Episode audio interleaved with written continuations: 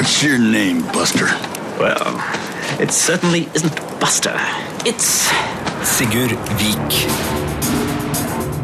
Filmpolitiet. God fredag, godt folk, og velkommen til Filmpolitiet. Mitt navn er Sigurd Vik, og øverst, øverst på plakaten i dag, selveste Cannes-festivalen. Birger Vestmo er i Frankrike og menger seg med stjernene og ser de kommende storfilmene. Vi skal få høre hvordan han har det, og hva han har sett. Og så blir det også anmeldelser av ukas kinopremierer. Angry Birds-filmen er en fattig, sprettert fuglefilm. Historia om den sjenerte giganten er en vond og vakker feelgood-film fra Island. Og Flaskepost fra P er en underholdende krimfilm om en sadistisk seriemorder. Og så skal vi snakke om en viss fantasy-serie som handler om sverd og magi og riddere, og da snakker vi selvfølgelig ikke om Game of Thrones. Vi spoiler jo ikke noe om Game of Thrones, det har vi en egen podkast til. Vi snakker om Galavant. Det er en middelaldermusikal som begynner på Viaplay på søndag. Filmpolitiet. På onsdag så starta den 69. utgaven av filmfestivalen i Cannes. Dette er en av de aller største filmfestivalene i verden, med de største stjernene, og premiere på mange av de store filmene. Og der er du, Birger Vestmo. Hvordan har du det i Cannes? Her i Cannes er det veldig travelt. Det er springing fra kinosal til kinosal, og fra pressekonferanse til intervju. Og um, det er, det er, mye som skal gjøres, og det er mye som skal oppleves, og det er mye som skal sees. Men det er jo derfor det er gøy da å være på filmfestivalen i Cannes. Man føler virkelig at det her er et sted der ting skjer. Eh, det her er jo kanskje årets aller største feiring av film. Og det er jo tusenvis av pressefolk som kommer hit, og sikkert hundrevis av stjerner. Og noen av dem har jeg allerede sett. Jeg har uh, sett Woody Allen og Jesse Eisenberg og Kristen Stewart. I går var jeg på pressekonferanse med George Clooney og Julia Roberts og Jodie Foster. Og uh, ja, du får et litt mer sånn stjernepreg da over uh, begivenhetene når du er på filmfestivalen i Cannes.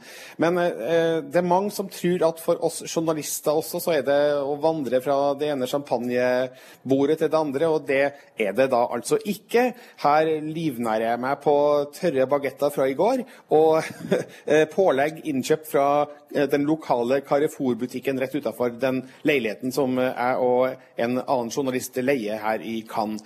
Så eh, det har vært en, en fin start på festivalen. Vi er jo bare på dag tre nå. Vi har hatt litt dårlig vær, faktisk, men nå har det virkelig sprukket opp, dette skylaget. Og nå er det meldt stort sett sol de nærmeste dagene. Og eh, Det eneste vi legger merke til eh, på årets festival som kanskje er litt annerledes, er at det er langt større sikkerhetsoppbud i år enn det har vært eh, tidligere. Det har jo selvfølgelig sammenheng med diverse terroraksjoner det siste året. Og nå står det en lang rekke politibiler langs Croisetten, spesielt når det er gallaopplegg på den røde løperen med de store stjernene.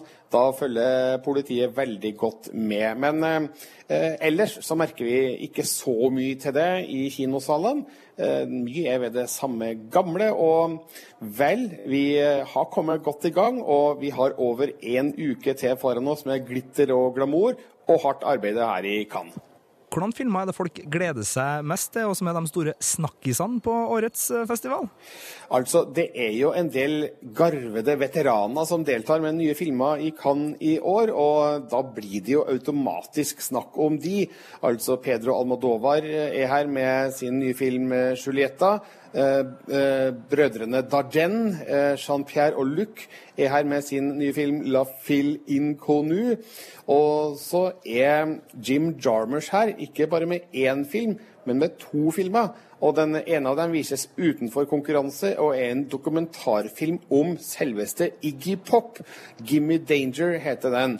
Så det er en lang rekke filmer man gleder seg til utover denne uka. Og ja, jeg tror de fleste filmfans som er til stede her i Cannes, vil få nok å feste øynene sine på fremover. Filmpolitiet.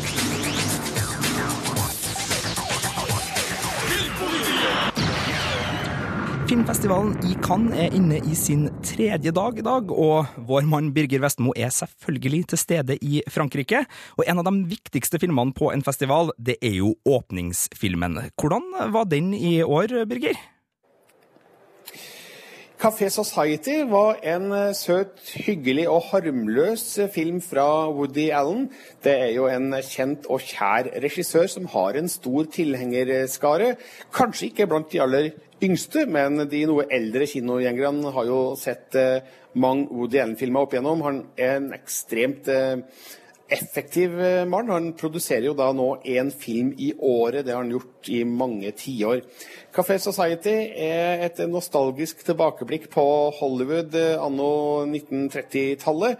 Jesse Eisenberg spiller en ung mann som flytter fra New York til Los Angeles. Får seg jobb hos sin onkel Phil, spilt av Steve Carell, som er en, eh, en ganske mektig agent for de store filmstjernene. Han blir forelska i um, Vonnie, en uh, ung sekretær, spilt av Kristen Stewart. Men så Ja, det blir trøbbel i paradis, for å si det slik. og det er mye morsomt, muntert og hyggelig i denne filmen. Vanvittig nydelig filma av ringreven Vittorio Storaro. Og det er første gang faktisk at Woody Allen uh, skyter en film digitalt. Han har jo sverga til film fram til nå. Men uh, det er det vanskelig å si noe på når man ser de vakre bildene til Storaro. For ja, det her er kanskje den peneste Woody Allen-filmen eh, noensinne. Og ja, det sier litt. Han har laga en del pen film før. Så Café Society var en helt ålreit, fin eh, åpning av Cannes-festivalen.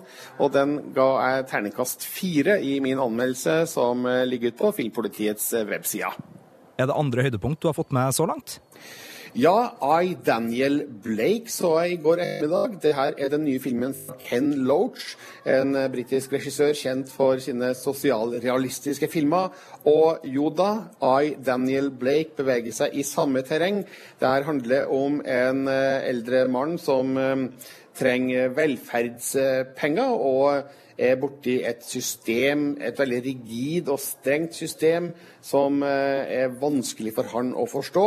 Og han møter også da en alenemor som eh, er i samme situasjon. Og eh, ja, vi følger da deres eh, kamp mot et stivbeint byråkrati som egentlig da fremstår en smule menneskefiendtlig.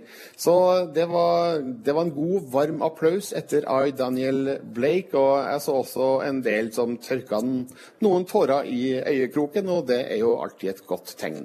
Og så så jeg en annen film i går, 'Money Monster' det. er Den med da Jodie Foster i registolen, med George Clooney og Julia Roberts i hovedrollene. En uh, sterk liten uh, thriller uh, med George Clooney som programleder i et finanstalkshow, som gir da fargerike råd, skal vi si det, om aksjemarkedet på TV-skjermen. gjør det til ren og skjær underholdning. En av hans seere har fulgt et av hans råd og tapt alle sparepengene sine og kommer da til studio og tar alle som gisler for å få litt eh, rettferdighet. Dette har blitt en, eh, en, en fin thriller med et aktuelt uh, tema. Og her syns jeg Jodie Foster viser seg som en stram og effektiv regissør. Uh, det er først og fremst en thriller, det her, men uh, den har noen elementer som bygger på en situasjon som er Eh, ganske eh, nær for veldig mange, spesielt eh, amerikanere da, i arbeiderklassen og nedover. Så dette er noen av filmene jeg har sett så langt. Vi er bare på så vidt starta på dag tre av denne festivalen i Cannes, så vi kan bare håpe at the best is yet to come. Birger, kom deg ut og kos deg i Cannes. Vi andre kan følge Birgers eventyr i Cannes på p3.no filmpolitiet. Der legger Birger ut anmeldelsen av alle filmene han ser, i hvert fall en god del av filmene han ser, og du kan også lese intervjuer fra pressekonferanser. Blant annet så er det en sak der ute nå med George Clooney og Julia Roberts og Jodie Foster fra nevnte Money Monster, så sjekk ut det. Filmpolitiet. Does that sound good to you? På P3. Filmpolitiet anmelder film. Spela i Angry Birds-serien ble en stor suksess pga. god mekanikk, artig spilloppleving og godt tima med eksplosjonen av diverse spillapper for smarttelefon.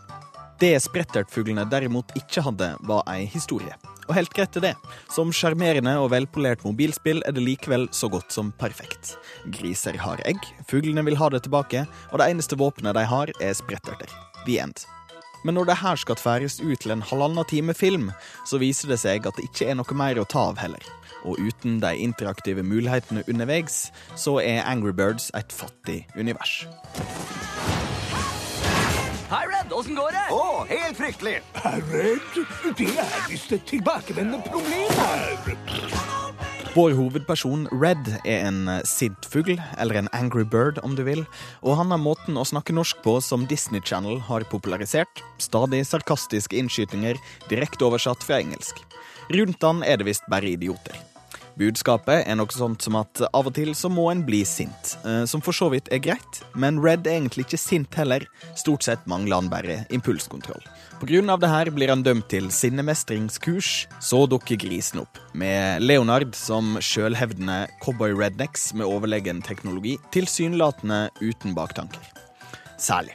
Red og gjengen må dermed søke etter hjelp fra stolte havørn, den mytiske figuren som er den eneste fuglen som kan flyge, og som forsvant en gang for lenge siden.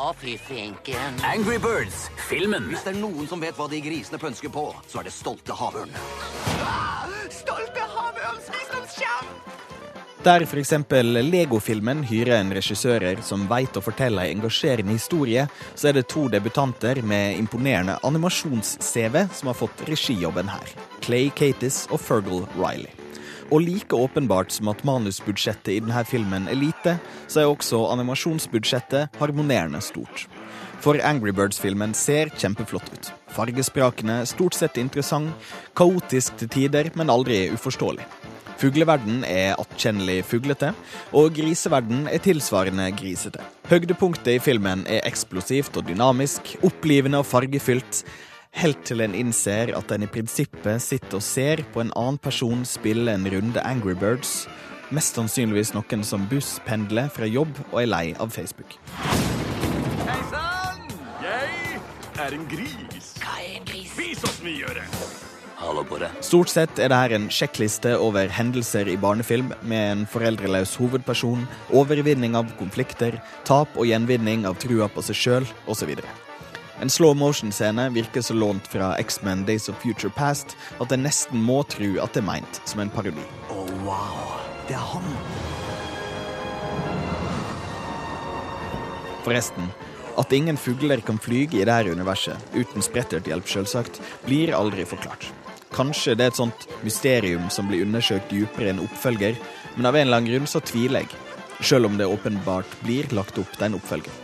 Og den er det bare du som kan forhindre. Det her er jo helt ute. Det er helt sjukt. Terningkast to. Filmpolitiet. Dette er P3. Filmpolitiet anmelder TV-serie. I want to shoot him with the crossbow. I want to stab him in the eye.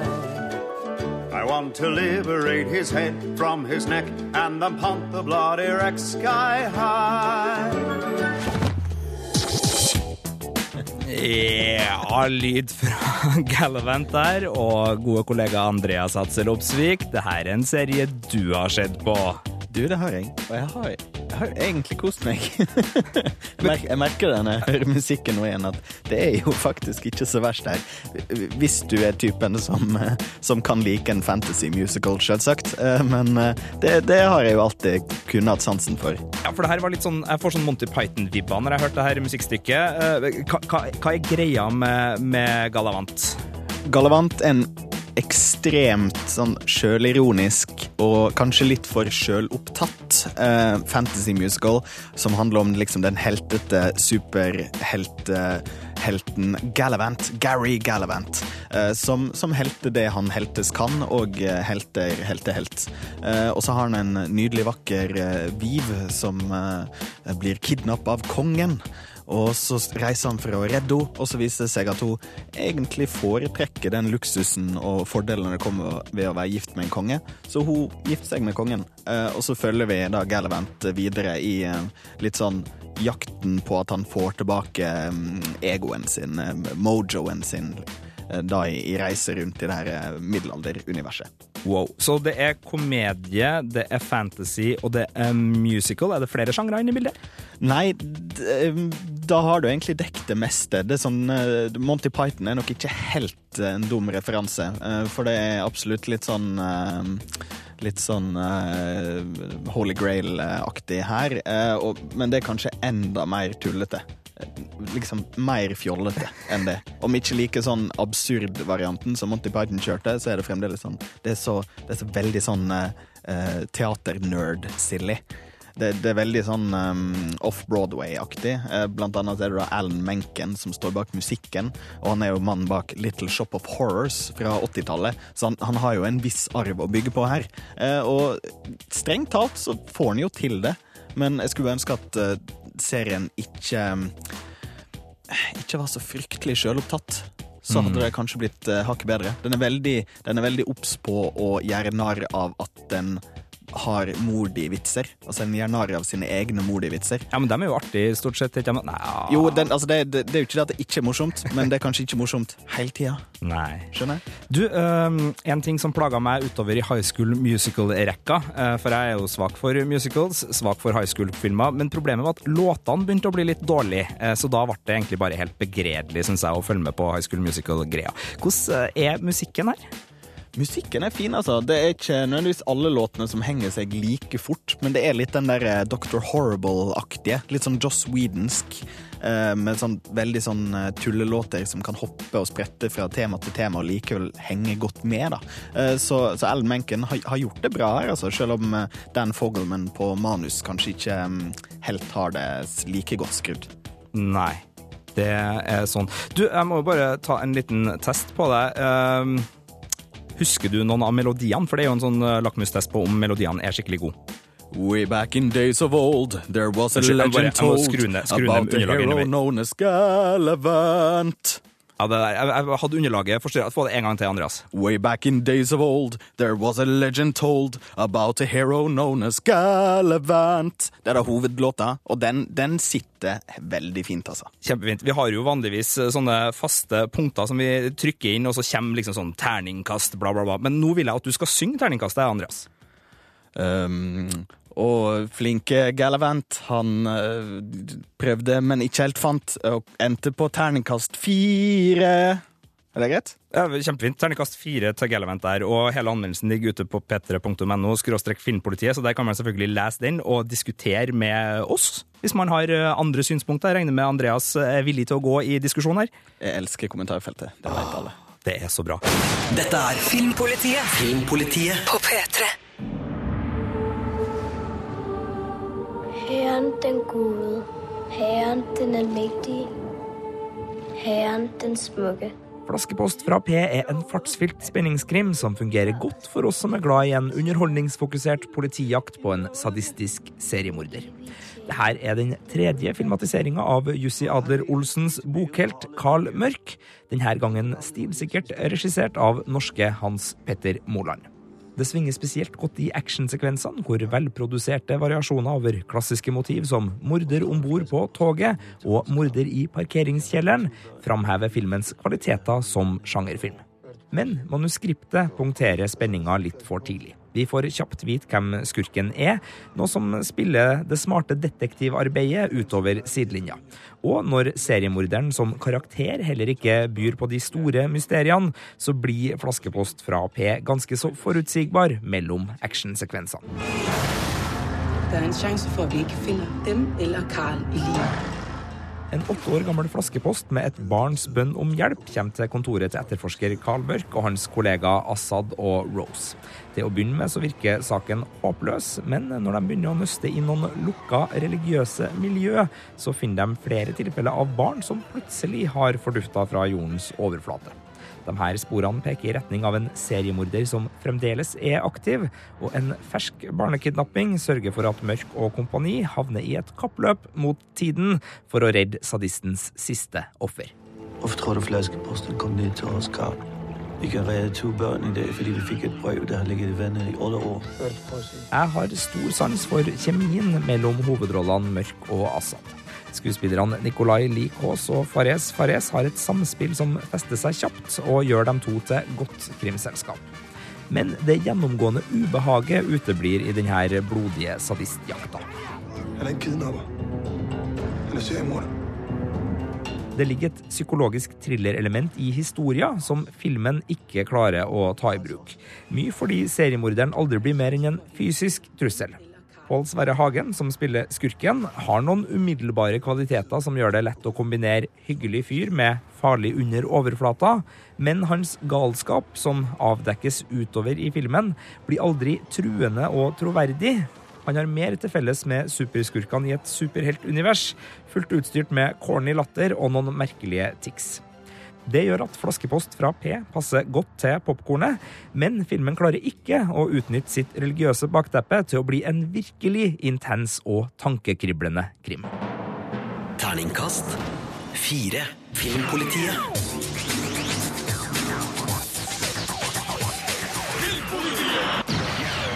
På kino i kveld er det premiere på Hans Petter Molands danske krimfilm 'Flaskepost fra P'. Den fikk terningkast fire her i Filmpolitiet. Vår mann Andreas Hatser Opsvik har tatt en prat med eh, Moland om filmen hans, og spesielt hvordan en forandrer ei bok til å bli den beste filmen en kan lage. Altså, En av forandringene Moland gjorde, var å gjøre hovedskurken om til en nordmann, som spilles av Pål Sverre Hagen. Men hvordan ble det sånn? Det var åpenbart at noen av de danskene jeg hadde lyst til å jobbe med, ikke var tilgjengelige. At det begynte å se litt uh, videre ut i, i, verden. Og da snakket vi om at uh, han trenger jo ikke være dansk, så da løftet vi blikket litt. Og da falt det veldig snart på Pål Sverre. Eh, både produsentene og distributøren i Danmark kjenner jo godt til Pål Sverre fra hans tidligere filmer, og også mine filmer sammen med han.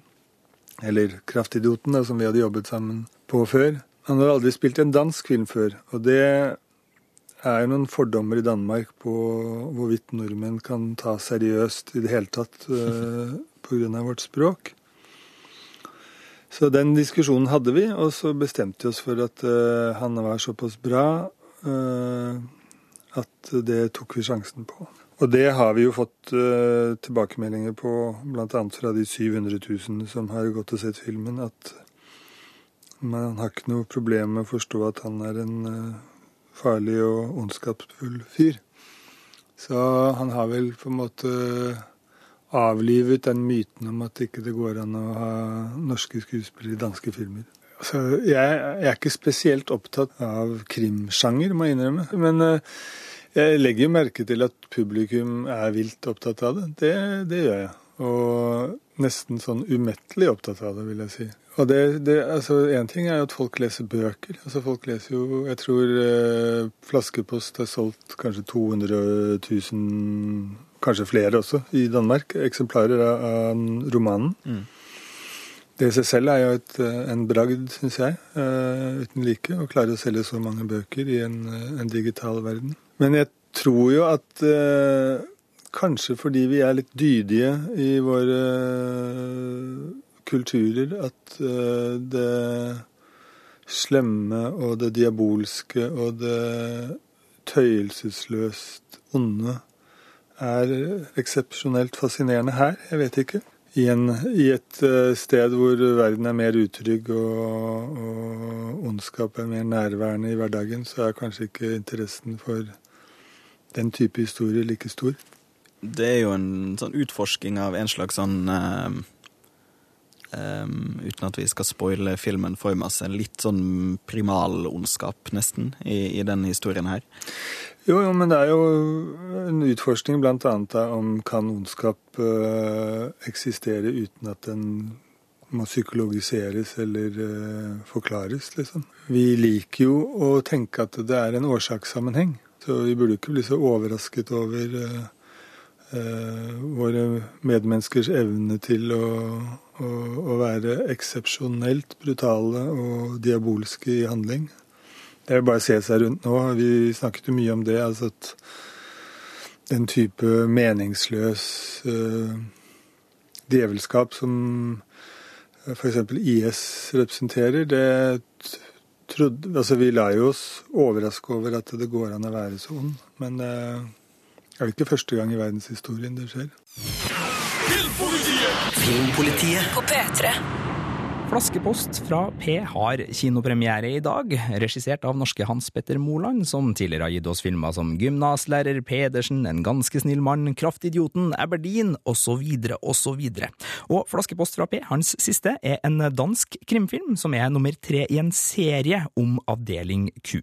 De to tidligere filmene i serien har ikke blitt sånn veldig godt mottatt av bokforfatteren Jussi Adler Olsen, og vi spurte Hans Petter Moland hvordan forhold en filmskaper egentlig bør ha til en forfatter når det skal lages film av bok. Det er en illusjon å tro at man kan gå gjennom den transformasjonen uten eh, at det skjer ting med stoffet.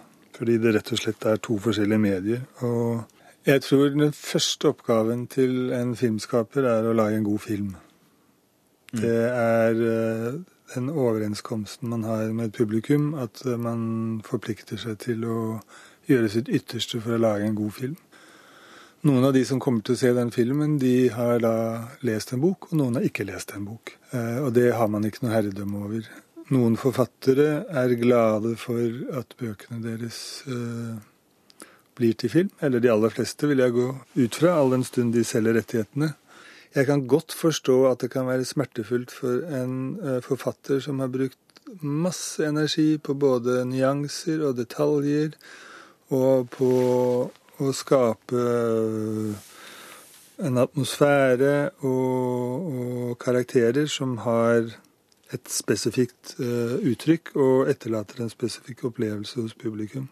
Det sier seg selv at en roman på 400-500-600 sider ikke kan bli en uh, film fra A til Å. Og det som i bunn og grunn er, er sånn ledetråd for meg, det er jo at uh, jeg ikke skal ha en ærbødighet overfor forfatteren og eh, hans ego, men at jeg skal ha en respekt for det stoffet som jeg har blitt møtt med når jeg har lest, eh, og prøve å yte det både en rettferdighet og blåse liv i det i et annet medium enn en det det da opprinnelig har uh, blitt skapt for.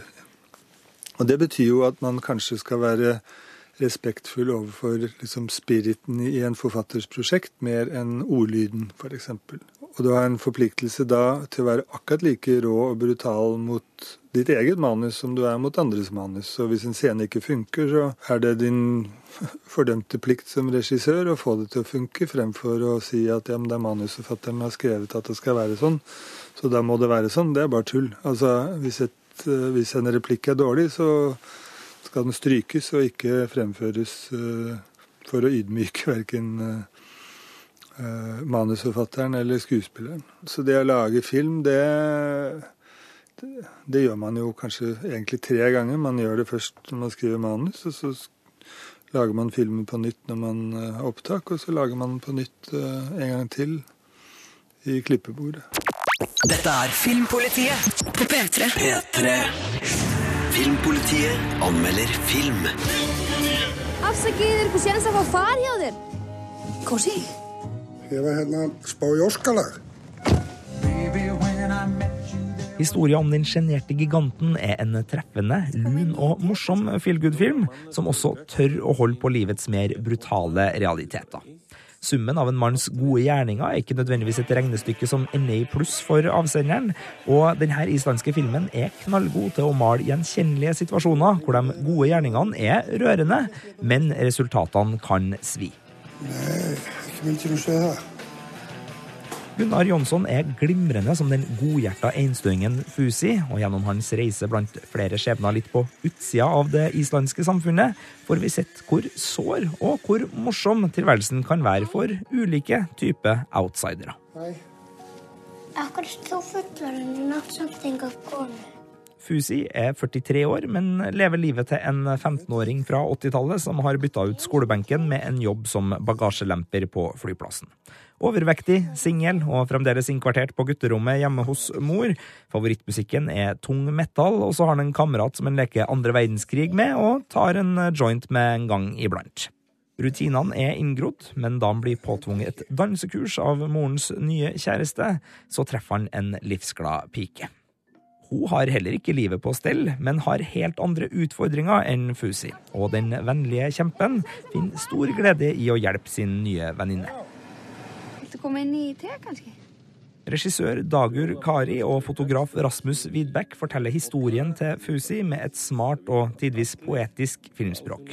Når det går et lys opp for Fusi, så sørger de for at det faktisk er en gatelysrefleksjon som tennes over hodet hans. De plukker stemningsfylte motiv og bygger scener som er rik på gode observasjoner, vittige replikker og snedige karakterer. Og når det hele kommer sammen, så er det utrolig vakkert. Det er en scene som inneholder en radio-DJ, en bil, type pickup, og en samtale om Dolly Parton, som er noe av det skjønneste jeg har sett på kino i år.